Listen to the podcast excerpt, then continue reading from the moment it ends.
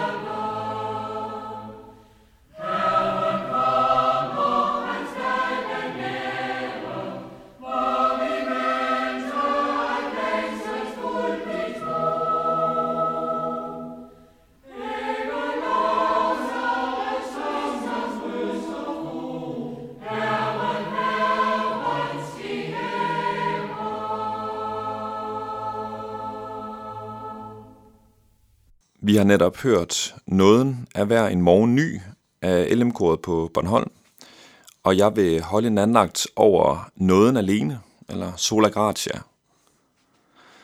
Gratia er det latinske ord for noget.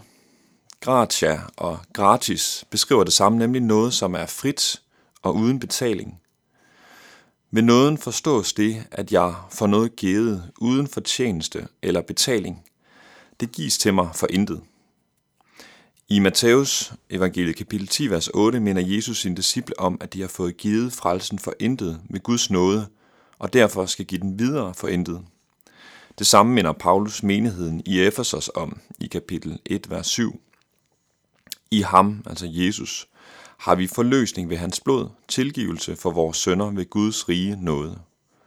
Og senere i kapitel 4, vers, øh, undskyld, vers, øh, kapitel 2, vers 4-8, men i sin rige barmhjertighed, og på grund af den store kærlighed, han elskede os med, gjorde Gud os, der var døde i vores overtrædelser, levende med Kristus.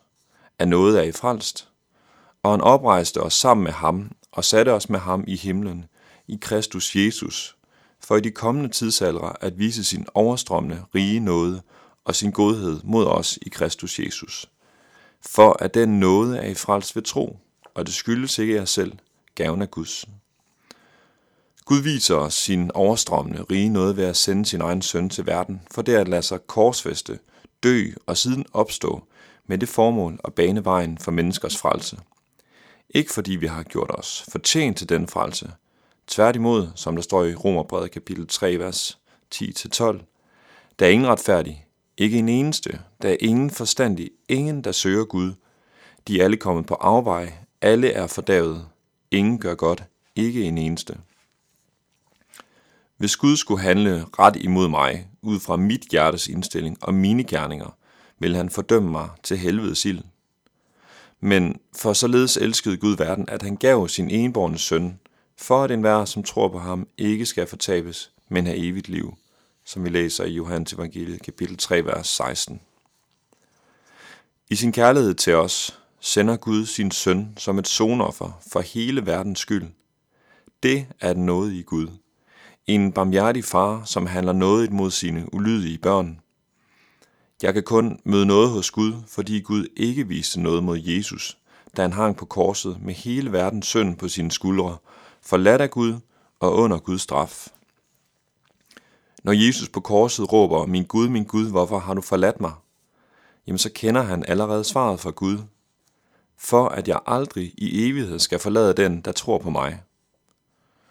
Gud er retfærdig, han kan ikke se igennem fingre med synd, men drager konsekvensen af menneskets tanker, ord og handlinger. Derfor måtte han gøre regnskabet endegyldigt op ved at straffe den stedfortrædende Kristus på hele menneskehedens vegne. Således forbliver Gud retfærdig, kærlig og nådig på samme tid. Inden for juraen kan man lade noget gå for ret, det vil sige eftergive en straf. Den anklagede burde straffes, men dommeren lader noget gå for ret og viser altså barmhjertighed, noget og frikender den skyldige. Igennem hele Bibelen møder vi vidnesbyrdet om den retfærdige dommer, der eftergiver den skyldige straffen. Esajas profeterer i kapitel 53, vers 5, om en stedfortræder, der har taget Israels plads på anklagebænken.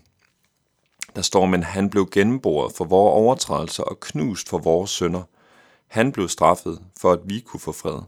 Med hans sår blev vi helbredt. Og Paulus proklamerer opfyldelsen af denne profeti i Romerbrevet, kapitel 3, vers 21-24. Men nu er Guds retfærdighed åbenbaret uden lov, bevidnet af loven og profeterne. Guds retfærdighed ved tro på Jesus Kristus for alle, som tror. Der er ingen forskel, for alle har syndet og har mistet herligheden fra Gud, og ufortjent gøres de retfærdige af hans nåde ved forløsningen i Kristus Jesus. Hvis jeg tror på, at Jesus i mit sted har taget straffen på sig, lever jeg i og af Guds nåde. Det vil sige, at i stedet for at møde Gud som den retfærdige, hellige dommer, så møder jeg ham som min kærlige, nådige far, som jeg har frimodig adgang til. Jesu død og opstandelse er således Guds ultimative nådesbevisning til mig. Nåden er ikke noget, der skal udvirke en retfærdighed i mit eget hjerte. Guds nåde mod mig resulterer i, at jeg bliver tilregnet retfærdighed i Guds hjerte. Nåden er således helt og aldeles uden for og uafhængig af mig selv. Den er fra Gud. Det gælder både Guds nådefulde soning af min synd og hans fortsatte nådestegn mod mig som hans barn og tjener. Således er Guds omsorg for mig i det daglige, hans udrustning af mig i troens kamp og hans gavmildhed med sine gaver til menighedstjenesten, alt sammen udtryk for Guds nåde mod mig. Den er altomfattende, så længe jeg lever med Jesus som min stedfortræder. David minder os om dybden og viden af Guds nåde i salme 30, vers 6. For hans fred var et øjeblik, hans nåde hele livet. Og i salme 103, vers 11, så høj som himlen er over jorden, så stor er hans nåde mod dem, der frygter ham. Med andre ord, Guds nåde er uendelig stor og ved Guds nåde alene kan vi finde retfærdighed ved troen på Jesus Kristus. Christoffer Hummelmose Enevoldsen siger så skarpt i en video om netop nåden alene, at nåden alene er en herlig sandhed, fordi jeg ved nåden alene kan finde fred. Fred, fordi retfærdigheden er i Guds hjerte og ikke i mit eget hjerte.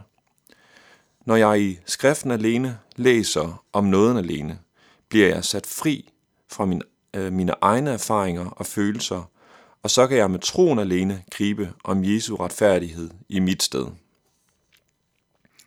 Vi vil nu høre noget af Skywalk lovsang.